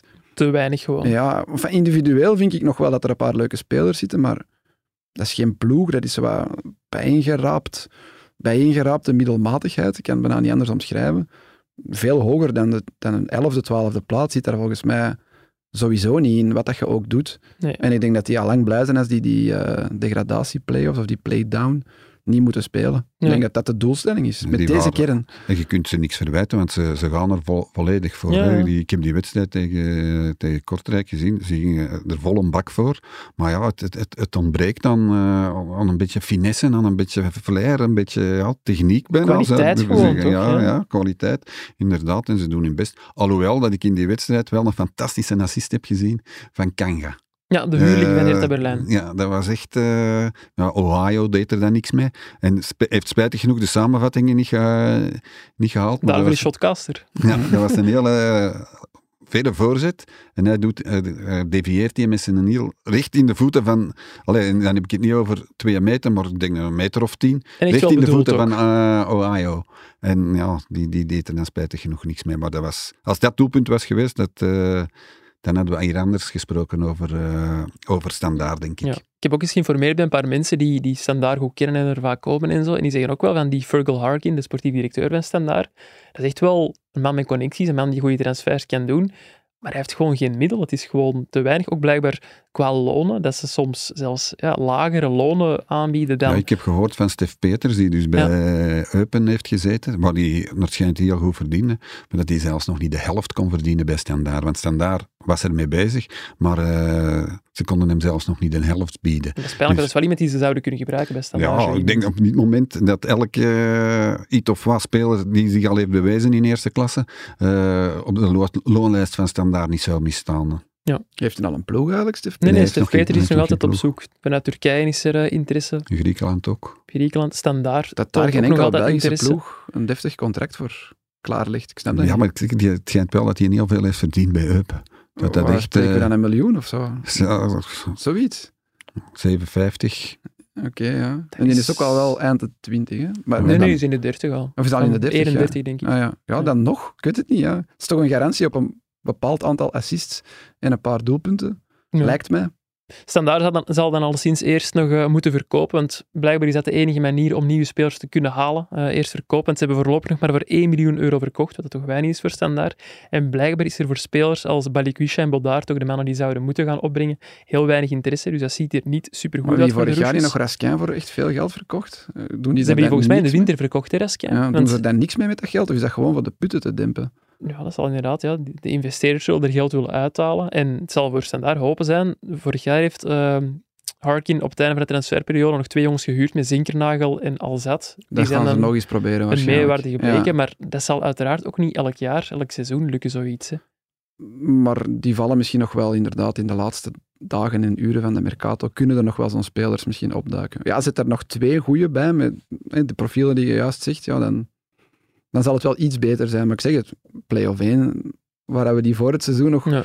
bijna durfden bij noemen, dat gaat nooit gebeuren. Nee, en dat Echt was nogthans wel de ambitie. Allee, die werd uitgesproken over Standaard. Al zei Gilles de Walen, rechtsachter bij Standaard, dit weekend na de wedstrijd wel van ja, vanuit de spelersgroep hebben wij dat nooit geloofd in play-off 1. En dat zegt ook wel iets. Als je als spelersgroep zoiets al zegt, dan moet je het Ja. ook al gevoeld hebben Ja, dat maar er gewoon te weinig kwaliteit was. altijd gezegd? Of, of wat zegt hij van ambities? Of Nou, wat zei hij van ambities? Als ik Karel Hoefkes zelf was, zou ik toch ook maar voorzichtig zijn in die Ja. ambities. Ik denk dat hij altijd voorzichtig is geweest. Ja. Ook, eh, Dat lijkt mij het slimste. Bij KV Kortrijk lijkt er wel versterking te komen, want eh, na de wedstrijd tegen Standaard eh, waren er beelden te zien van een delegatie van Bernie die op bezoek was eh, en op eh, het punt zou staan om de club over te nemen.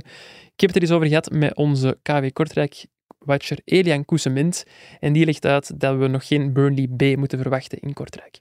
Ik liet me vertellen door, ehm, door een bron dat Ken Shu tegen hem zei: als Burnley overneemt, gaat het meer over een partnership met Gen en Kortrijk. En dat wil dan zeggen dat ze ja, spelers van Burnley kunnen stallen in eh, Kortrijk dan. Maar het is ook niet dat we moeten verwachten dat er nu tien spelers van Burnley zullen komen om Kortrijk te komen versterken en misschien nog in eerste klasse houden.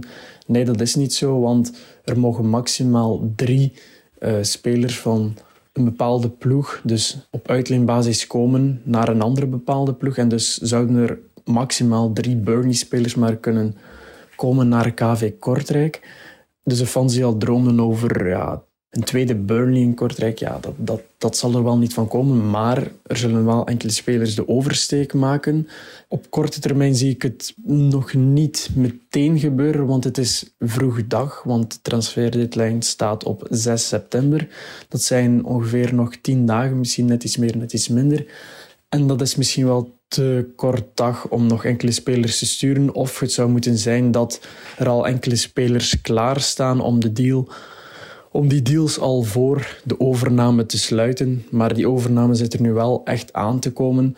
Want na de wedstrijd liep, liep er een delegatie dus over het veld, wat toch wel heel opvallend is, over het veld samen met Rick Verloon, de sportief directeur, en Pieter Ekelo, uh, een van de twee CEO's van KV Kortrijk. En die waren wel prominent in beeld. En dat hadden de mannen van Eleven ook gezien. En dus zal die overname wel beklonken zijn, volgens mij. Onze Europese vertegenwoordigers die kwamen dit weekend niet in actie, heb ik uh, daar straks al gezegd. Die zijn uh, zo volledig uitgerust voor hun cruciale matchen van deze week in Europa. Koen, Ludo, dus een pronostiek. Hoeveel ploegen stoten er door? Vijf. Vijf, alle vijf? Voor mij gaan ze alle vijf door, ja. Koen? Ik ben chauvinistisch en optimistisch van aard. Ik zeg ook gewoon alle vijf. En je hebt dan nog de backup, stel dat Antwerpen of Union het niet haalt, gaan die ook nog wel Europa in natuurlijk. Maar dus- ja, maar dat bedoel ik wel. Hè. Dat ja, is, zo, eh, ja. Dat is, Hoeveel ja, ploegen zijn dus er straks actief van in de Europa? drie die nog niet zeker zijn, die gaan alle drie door. Ja, en dan natuurlijk Antwerpen. Maar ik denk dat Antwerpen ook naar de Champions League gaat.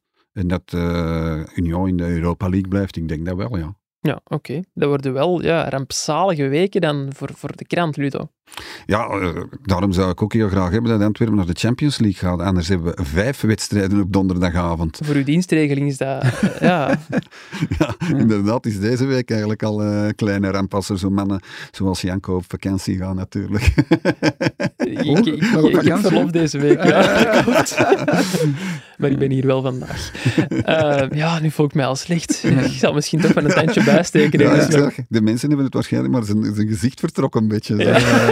er kwam een uh, heel groot schuldgevoel op Eén keer om 20 over 5 moeten opstaan en een week nodig om te recupereren. Ja, ja ik snap dat. Ja, ja, snappen we wel. Het uh, niet in actie komen van de, de topploegen, uh, dat had ook gevolgen voor onze mini-competitie op uh, de Fantasy Pro League, Koen. Heel veel mensen hebben heel veel spelers van die topploegen in hun team staan. Ja, die hebben er heel weinig punten mee gescoord. En zo is Thomas Standaard, onze standaardwatcher, de winnaar van deze speeldag geworden. Die heeft blijkbaar ontdekt dat, dat je op uh, Fantasy Pro League bepaalde, hoe moet ik dat zeggen, um, specials kan inzetten. Er is er eentje bij, de eendagsvlieg, waarbij je ja, eigenlijk gewoon een totaal nieuwe ploeg kan samenstellen voor één speeldag. Uh, ja, Thomas free, heeft dat free gedaan. Dat in ja. de Fantasy Premier League. Ja. Free hit, voilà. Die heeft Ja. allemaal spelers van Eupen gebruikt, van KW Kortrijk. En die heeft zo Maar heel veel die is punten dan wel gescoord. kwijt, hè? Voor de rest van het seizoen. Inderdaad, en wij beginnen pas echt te tellen vanaf Ah. speeldag 7. Dus, dat Dus ik heb die tactisch op zak gehouden. En Ja. ik heb maar twee punten gesprokkeld. Want ik had alleen Dolberg. Dat is wel heel weinig. Ja, dat is enorm triest. Maar ja, dat maakt toch nog niet uit. Maar boven. Jammer voor Thomas. Over eh, de zaak Luis Rubiales versus Jennifer, Jennifer Hermoso hebben we het eh, hier vorige week al gehad met Frank en Frankie. Of jij hebt dat toch gedaan, Koen? Maar er zijn nog een paar nieuwe ontwikkelingen. Koen, vertel ons, wat is er nog gebeurd? Ja, net voordat we hier binnenkwamen, eh, was er het bericht dat eh, de mama, eh, ik ben haar naam kwijt, van Rubiales, zichzelf in een kerk heeft opgesloten. Ehm, en dat hij in hongerstaking gaat uit protest tegen de heksenjacht, tegen haar zoon. En dat ze wil dat die eh, Jenny of Jenny Hermoso de echte waarheid spreekt. Dus dat dat, ja, die, die, die komt op voor haar zoon en die gaat in hongerstaking. En daarna kwam er nog een bericht dat er iemand van de eh, Spaanse voetbalbond overweegt om met de Spaanse federatie uit de UEFA te stappen als de, de schorsing van Rubiales, die door de FIFA, voor alle duidelijkheid, 90 dagen provisoir al geschorst is en er loopt een onderzoek, dat als die schorsing niet wordt opgeheven, dat dan Spanje overweegt om uit de UEFA te stappen en dus dat de Spaanse ploegen niet in de Europese competities eh, zouden spelen. Dat begint echt een absurde soap te worden, eh, waarbij eigenlijk niemand nog het verhaal van Rubiales of de kant van Rubiales gelooft. Iedereen is een beetje... Buiten zijn moeder dan. Ja, behalve zijn moeder, wat wel mooi is natuurlijk. De Ja. liefde van de moeder van een zoon. Maar ja, ik heb dan ook nog eens een draadje gelezen op Twitter dit weekend met alle fratsen van Rubiales. Zien dat hij eigenlijk een beetje macht heeft binnen het, uh, het Spaanse voetbal, ja, dat is gewoon een viespeuk, een, een ja, een, ja, moet je dat zeggen? Die, die, die, heeft van alles gedaan aan vrouwelijke collega's, een marketingdirecteur uh, in de tijd, um, vragen welke kleur ondergoed dat hij droeg. En dat zijn allemaal dingen van jaren geleden, mm. dat dat niet eens vreemd is dat er nu zoiets uh, naar boven komt. Er is zwart geld bij de Supercoppa die naar Saoedi-Arabië is gegaan. Allee, die, die mensen is eigenlijk gewoon van het ene schandaal naar het andere gegaan. Maar dit is nu wel het meest extreme, denk ik.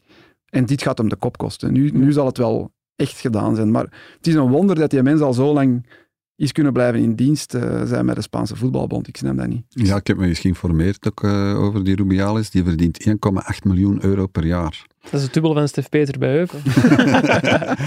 uh, en waarschijnlijk is dat een van de redenen waarom dat hij zich weert als een duivel in, in een wijwatervat. En, en, en twee ook, ja, de manier waarop hij vorige week die speech heeft gegeven. Ja, ja dat, is, dat, dat, dat is gewoon niet verstandig. Dat is teken dat, dat je niet meer... Nee, en, en, en, dat gebeurt soms hè, met mensen die, die zoveel macht hebben, die niet meer van deze wereld zijn en zich uh, arrogant gedragen, eigenlijk zonder dat, ze het, zonder dat ze het weten.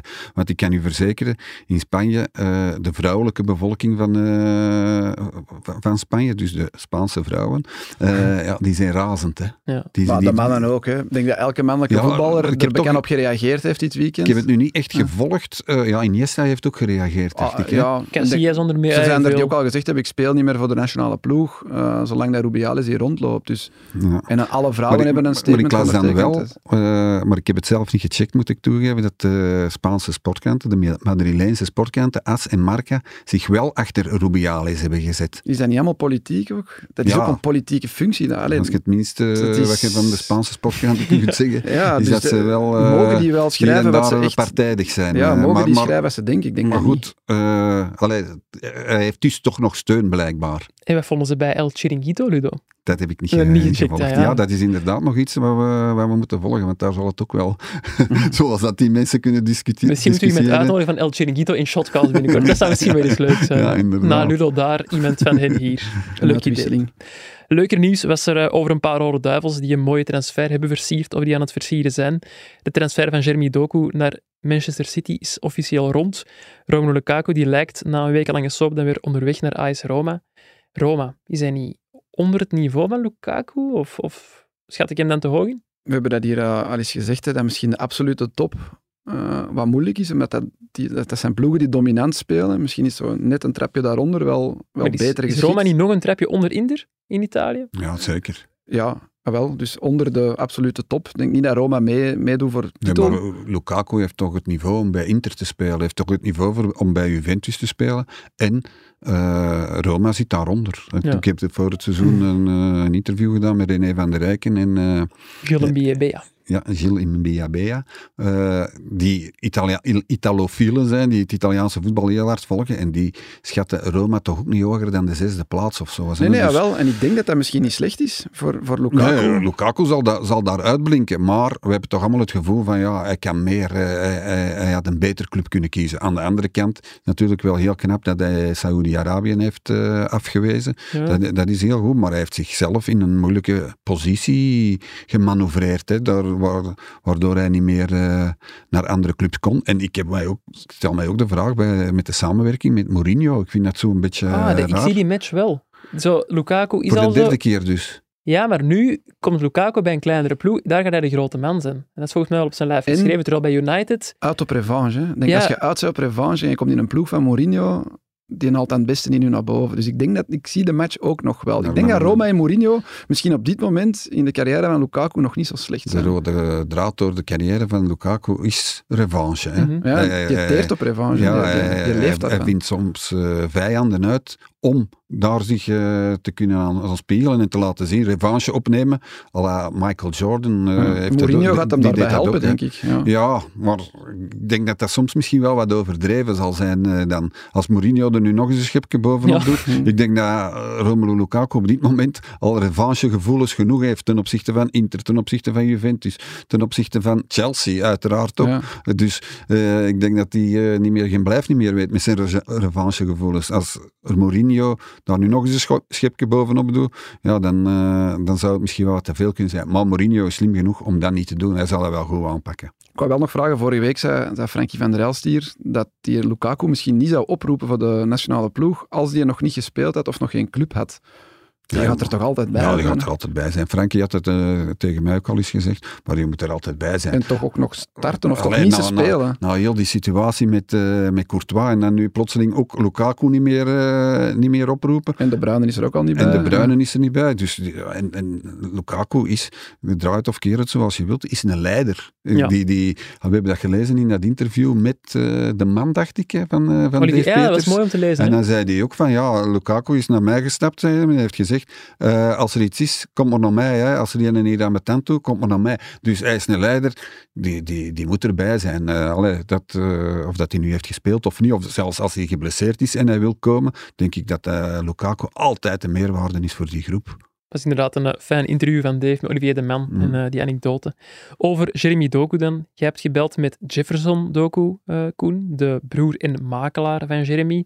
Wat had hij allemaal te vertellen? Ja, ik wist eerst niet dat dat de makelaar was, want ik had die de week voordien al eens gebeld voor een stuk over het pleintje hier in Borgerhout, waar het die Een samen hadden. goede bron en jij hebt die laten liggen eigenlijk. Eh, ja, nee, maar die Nee. ging sowieso ook geen, geen, geen primeurs of niks. Nee, nee, nee. Ik was er niet aan het vissen naar het eerste nieuws van Doku Plus. Dat stond al heel lang overal, dat dat, dat, dat wel in kannen en kruiken ging komen. Ehm, maar ja, dan bleek dat hij ook bij deze transfer echt voor het eerst als makelaar Mhm. had opgetreden voor zijn broer. Eh, hoewel er ook nog wel een andere makelaar bij betrokken was, uh, Gunongbe, ex-speler hier ook van, ik denk Westerlo in. Brussels. Of, Ehm, maar ja, die, die, die zei wel ehm, dat het eh, voor hem dan, vanuit zijn standpunt, ja, heel leerrijk en interessant is om, om ja, dat is toch wel een toptransfer, dat je daar als eerste eh, echt een transfer zelf moet onderhandelen. Ehm, maar dat het wel altijd ook duidelijk was vanuit eh Jeremy's kant van, ja, Manchester City, dat was het enige dat hij dat die wou.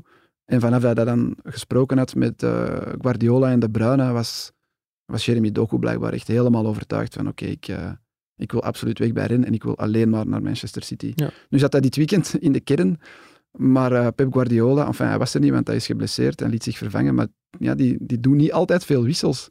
En hij is niet van de bank gekomen. Nee. Alleen Foden is van de bank gekomen. Ene wissel gedaan. Maar hij heeft zich wel opgewarmd. Hij was wel aan het opwarmen, ja. ja. Dus Kan ik denk ook. dat hij de komende weken wel eens een keer zal mogen invallen. En als die ja, Spelen bekertoernooi zoveel beginnen, ja, bekertoernooi beginnen spelen, dan zal hij ook wel eens starten en zo. Maar voorlopig is het wel even wachten, ja. Hoe en waar. Concurrentie Gaat hij in is die wel, ploeg, eh, ja. wel stevig. Ja. Ja, het is Grealish en Bernardo Silva nu vooral. Spelen met Haaland en Alvarez. Ehm, ja, Foden zat nu op de bank, terwijl dat hij al ja, weken heel goed bezig was. Dus Maar die zou meer centraal spelen. ja, hè. die, die krijgt meer dan 10.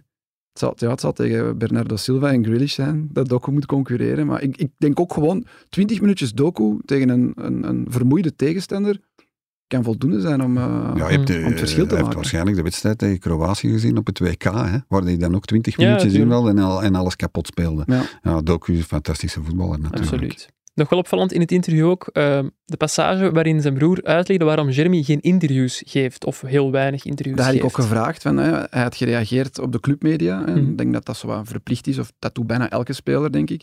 Maar dan was ik eens in, in ons eh, archief, in het, in het Belga-archief, gaan kijken, ja, hoeveel interviews heeft hij nu gegeven? En ja, één vond ik er eigenlijk maar terug. Eén groot interview van een zekere Janko Beekman, Ja, toen ja. hij bij Ren zat. Eh, maar dat het is spijtig dat die, dat die podcast, dat je daar geen beelden bij hebt. Hè, Janko, was zit, blij. Ja, ja, Janko zit bijna tegen een plafond.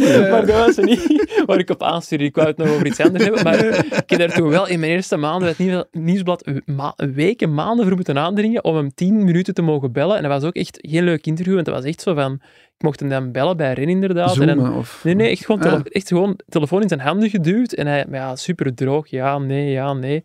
Echt trekken en sleuren. Ja, maar Jefferson zei effectief, hij doet het niet graag. We zien er als entourage en Jeremy zelf zijn de, de meerwaarde niet van in. Eh, hij wil graag gewoon met de voeten spreken. Ja, ik denk niet dat we die snel nog eens te pakken gaan krijgen voor, voor een interview. Zelfs al gaat hij speciaal daarvoor naar Manchester gaan. Ja, die, die, vindt, hij niet, die vindt hij niet Dat nodig. is toch een heel jammer evolutie. Ja, ik, ik had dat ook op Twitter gezet en er had iemand gereageerd. Veel van die jonge gasten nu Ja, ja, hebben wel dat die zo. reflex. Ja, van, ik heb hier dat- niks bij te winnen, ik zal het wel zelf Dat doen. zijn pop, popsterren geworden, hè, die, die voetballers. En ja, die zijn heel moeilijk te benaderen. Die, die cultiveren ook een beetje de, de mythen en, eh, en, en het onbekende eh, rond hen. En, en ja, in tegenstelling tot vroeger hebben zij daar ook geen belang meer bij om, eh, om interviews, om Nee, ik- ik zag te nu geven. Remco Evenepoel, die, die heeft een eigen YouTube-kanaal waarin dat hij zelf met nieuws en dingen naar buiten komt. En die, en die alle clubs. nog, ja. En Evenepoel die geeft dan nog wel veel, veel interviews, maar die heeft al zoiets van, ik zal het zelf wel, Compagnie heeft dat ook, hè. de dingen die ik zelf naar buiten wil brengen, Maar die doe ik op mijn eigen ook- kanalen. Oh, hoe lang is dat geleden dat hij nog een in, interview heeft gegeven? Dat, Ik denk dat dat al tien jaar geleden is. Ja. Dat hij nog een interview aan een sportkrant heeft gegeven. Hij heeft ooit eens een interview gegeven aan de tijd, maar dat ging dan over eh, economische zaken. Maar, maar voor de rest... eh, en terwijl dat het toch nog altijd, en dat is niet om ons te plezieren, de journalisten te plezieren, maar gewoon een communicatie is met uw fans. Dat je, dat, dat je, dat je toch een paar dingen kunt uitleggen en die je niet zelf allemaal eh, de Goed Nieuws Show komt brengen, maar dat er dan kritische vragen worden gesteld die jij dan kan weerleggen en, eh, waar dat jij kan op antwoorden. Ik vind dat zo, zo belangrijk, maar die, die, ja, die functie die wordt, eh, die wordt een beetje onderschat, denk ik. Ik denk dat Of, eh, Doku gewoon ook zoiets heeft van, als ik het op mijn eigen kanalen doe, bereik ik al mijn fans, of veel meer fans, dan dat ik een interview geef aan, aan, aan Ja, maar het Nieuwsblad of bepaald Gazet van moment Antwerpen. komt er wel een, een moment dat je iets wil weten van, ja, hoe gaat het daarmee? Wat, wat is daar gebeurd en zo? En als hij dat niet bespreekt, ja, dan, dan, dan gaat niemand het ooit weten. En het is dan dat de geruchten komen en dat er dan roddels Ja. komen die, waar, waar, waarvan de meesten niet, niet eens waar zijn. En dat is, dat is hetgeen wat ik vreemd vind aan, eh, aan die begeleiders van die, van die topspelers, dat ze daar niet, geen rekening mee houden. Maar ik denk ze- dat het in, de- in deze wel echt van, van Jeremy Doku zelf komt. Ja, dat hij ja. zegt tegen zijn entourage, houd alles van mij weg. Ja, ik wil maar- het niet weten. Maar, maar dan kan er wel iemand zijn in de entourage die zegt van, ja, Af en toe toch toch- eens, ja. Allee, kom, leg nu eens uit waarom dat je Manchester City boven eh, Rennes hebt verkozen. En, en, en, en, en als er dan binnenkort iets gebeurt en hij komt niet van de bank of zo, dat, dat, dat je die vraag kunt stellen. Hij zelf zal daar niet, niet willen, maar dan moet toch een journalist, alleen moet toch, toch te vertrouwen zijn om, om, geen, om, om te geen, zeggen. geen vorm van respect naar de wereld die u mee betaalt. Ah, Allee, wel, ik ja, heb het nu niet per se over ons, maar de Premier League. Die Ja, Nee, nee, maar die tv-zenders veel tv-geld naar die clubs. Die sta, allee, de- staan niet de te fans. woord. Allee, ik vind dat ergens ook wel jammer. Maar bon, misschien, ja. Dat wij dat jammer vinden is uiteraard logisch, want het is Ja, onze job. het is- weet niet ja. hoe het eh, publiek Wij staan aan de andere kant en wij, wij zouden liever wel met die mensen kunnen spreken, maar ik was, al- ik was eigenlijk al blij dat die een broer dan wel Ja, eh, zover is twee, gekomen, want mensen twee keer vrijuit heeft willen Maar spreken. dat vind ik wel. Je krijgt soms kritiek van, van, van buitenstaanders. Van, ah ja, waarom interviewen jullie zo vaak moeders of vaders of broers of zussen van, van bekende voetballers? Ja, omdat we gewoon tegenwoordig niet meer bij de speler zelf geraken. En dat is nog het dichtste dat je erbij kunt komen om, om iets te weten te komen over spelers. Ja, effectief. Bon, als er meningen over zijn, zijn die welkom op shotcast.nieuwsblad.be of de gekende social media kanalen. En dan gaan wij ondertussen over naar onze favoriete rubriek Koentje Cult. In Koentje Cult kiest Koen elke week zijn favoriete culttransfers van de zomermercato. Koen, wat heb je deze week voor ons in de aanbieding? Ja, ik heb de indruk dat het een beetje aan het stilvallen is. stilvallen? Ja, het is misschien stilte voor de storm, Ja, voor ja, het einde van de... eh, Deadline day mercato. komt eraan. Ja, ja. Maar ik heb er nog wel vijf gevonden. Enfin, vier en één die zonder club zit. Ik zal beginnen met Lucas Bijker, Lucas Bijker, ex-Braziliaanse Nederlander van KV Mechelen. vijf jaar Mechelen. En heb je gezien waar hij getekend heeft? Nee. Het is er 37 graden. Gent trekt er naartoe. Ah, naar eh, Cyprus. Ja, Ethnikos Agnas. Lijkt me wel een fijne, een fijne Ja. club. Hè. En die kwam voor Mechelen al, ik denk van Cadiz in Spanje. Dus, dus van de zon naar Mechelen en Ja. nu terug naar de zon. Zonneklopper. Een zonneklopper, ja. En dan de strafste, eh, Pierre Bourdin. Kende die nog? Van. Cerkelen en Beerschot. Die heeft getekend in vierde klasse eh, in Frankrijk. AF Virois. En heeft dit weekend eh, direct gespeeld. En In zijn regio of zo wellicht. 2-0 dan. gewonnen van Beauvais. Ja, En is hij nog profvoetbal dan? ja dat vraag ik mij af. Ik denk dat wel. Heb jij geen rechtstreekse lijn met Pierre Bourdin? Eh, Schermt die zelfs zichzelf af van de media? Eh, nee, maar die, was, die, die vond de punten in de krant vaak niet goed. En, Moet enfin, een beter spelen, hè, Pierre? ja, dat heb ik hem ook proberen uitleggen. En dan heeft hij zo wat contact verbroken. Dus ik weet niet wat hij gaat reageren als ik een bericht stuur. maar bon, hij heeft gewonnen, dus ik ben blij voor Pierre. Eh, Carlo Letica, kende die nog? Ex-Club Brugge, hè? Ja, Club Brugge heeft daar ooit 3 miljoen euro voor betaald, eh, een keeper. En die trekt nu van, nu moet ik echt goed lezen, hè, het Roemeense FC Hermannstad naar het Zwitserse Lausanne. En de trouwe luisteraars van deze rubriek weten dan wie zijn ploegmaat wordt bij Lausanne. Inderdaad, Noé Dussen. Trouw, ja, ik luister niet altijd no afleveringen. Jij luistert gewoon niet als ik aan het praten ben eigenlijk. Ja. Ehm, en dan, ja, ik moet echt donker gaan. Hè. Dorin Rotario, ook van in die periode. Ook, hè? Ja, die, die zat bij Atromitos Athene. De club, De van, club van Tuur Dirks. Ah, die is eh, weggepest door Tuur Dirks. Ja, hij zat bij Ludo Goretz en ik denk dat ze hem hadden uitgeleend Ah, aan. Athene. Ik weet het niet juist. Maar die heeft geen club. Die is 28 jaar en is transfervrij. Dus misschien is dat nog iets voor een Belgische club. Standaard iets, ja. Ja, ik geef hier maar tips. Hè. En dan de laatste, niet echt cult, maar ik vond het wel opvallend. Alpaslan Öztürk. Dat is een Belgische Turk of een Turkse Belg. Ex-Galatasaray. hè. Ja, dat is stil aan de Schaases van Turkije aan het worden, want die trekt naar Pendikspor en dat is al zijn zevende club in Turkije. En dan kom ik naadloos bij de vraag aan Ludo. Ken je alle Belgische clubs van Mark Oh, een Ja. quizje. Ja. Kijk, kent u? Van bij zijn eh, jeugd wilde, de- wilde die er ook bij? de tien profclubs in België waar hij bij gespeeld heeft. Hij heeft bij, is bij Hoboken begonnen. dat heb ik Dan is hij ja. naar Berchem gegaan. Dan is hij naar Beerschot gegaan. Van Beerschot is hij naar Club Brugge gegaan. Standaard. West, eh, Genk. Westerlo. En dan... eh, Ik denk dat Kortrijk nog. Ik heb ze niet nee, opgeschreven. Kortrijk niet. Ik denk dat... dat Kan er ze- iemand dat opzoeken? Dat, Even, dat, dat, dat dat, dat ze zijn. Eh, Mats, onze interim cameraman zonder camera's, gaat dat even voor ieder ons geval opzoeken. zeker bij Club Brugge en bij Standaard gespeeld. En Westerlo ook, want er heeft En hij een Westerlo, beker, Westerlo beker van België mee gewonnen. Misschien om, eh, om En de... heeft hij zelfs nog gescoord. Het beslissende, beslissende doelpunt op Beerschot. In de halve finale. Ik ga Mats daar even laten opzoeken. Ik heb ondertussen nog misschien een, eh, een cultverhaaltje, zeg maar. eh. Trouwens, in het Katholiek Sportverband heeft hij ook nog gespeeld. Bij Berkerode, hè? Birkerode, inderdaad. Samen met zijn broer. Ik zit hier met twee kinders van het Antwerpse voetbal. Cultverhaal. Ik heb twee weken geleden verteld dat mijn papa eh, ooit nog in Juist. Brazilië heeft meegetraind bij Cruzeiro. Ik heb ondertussen contact, contact gehad met eh Beekman senior en, en nog wat opzoekwerk gedaan. Het blijkt effectief Cruzeiro te zijn geweest, maar niet het eh, grote Cruzeiro uit Belo Horizonte, maar Cruzeiro uit de buurt van Sao Paulo, dat een tijdje in tweede klasse heeft gespeeld, maar ondertussen niet meer bestaat. Ik heb ook opgezocht of er bekende ex-spelers zijn van die club, en die blijken er ook te zijn. Breno. Zegt Oh, die ja. naam jullie nog Ja, iets? Groot talent. Groot verdedigend talent bij Bayern München. Ja, daarna in de gevangenis terechtgekomen omdat hij zijn eigen huis in brand heeft Ja, is iets gestoken. Ja? Ja, ja, ja, ja. Eh, en ik ben nu, en ik moet er eigenlijk nog aan beginnen, maar ik ben een missie gestart om te proberen om een truitje van eh, Cruzeiro uit die periode eh, te pakken te krijgen. Misschien eens voor een vadertjesdag of zo. Dus als er mensen contact zouden hebben in Sao Paulo bij Cruzeiro, zijn die ook welkom op, op je wilt dat als cadeau aan je vader geven.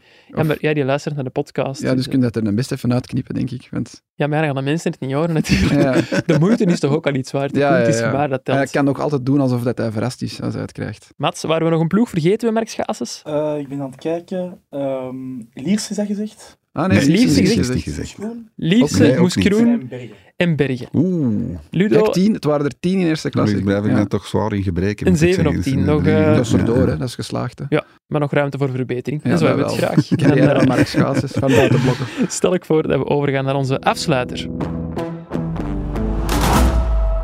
Koen, Ludo, wat staat er? eh, ja, ik heb verlof, dus ik ga niet meer veel doen deze week. Wat staat er voor jullie nog op de planning?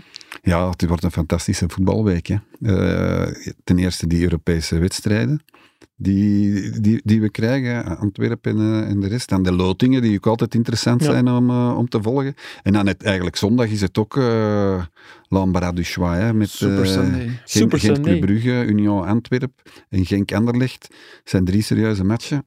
Ik, zou die, ik had ze graag alle drie gezien, maar dat gaat niet lukken, denk ik. Nee, wordt moeilijk om te combineren. Ja.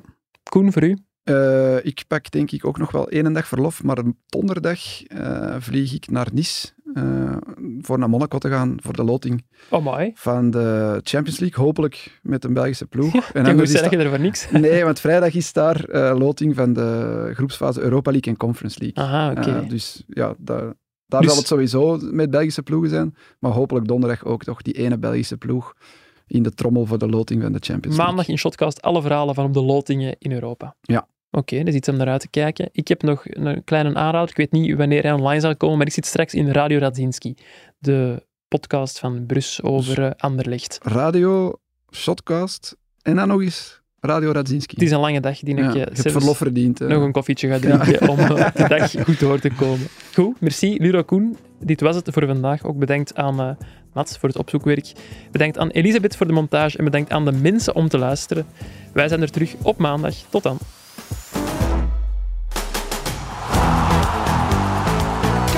Met de kans en mooi afgemaakt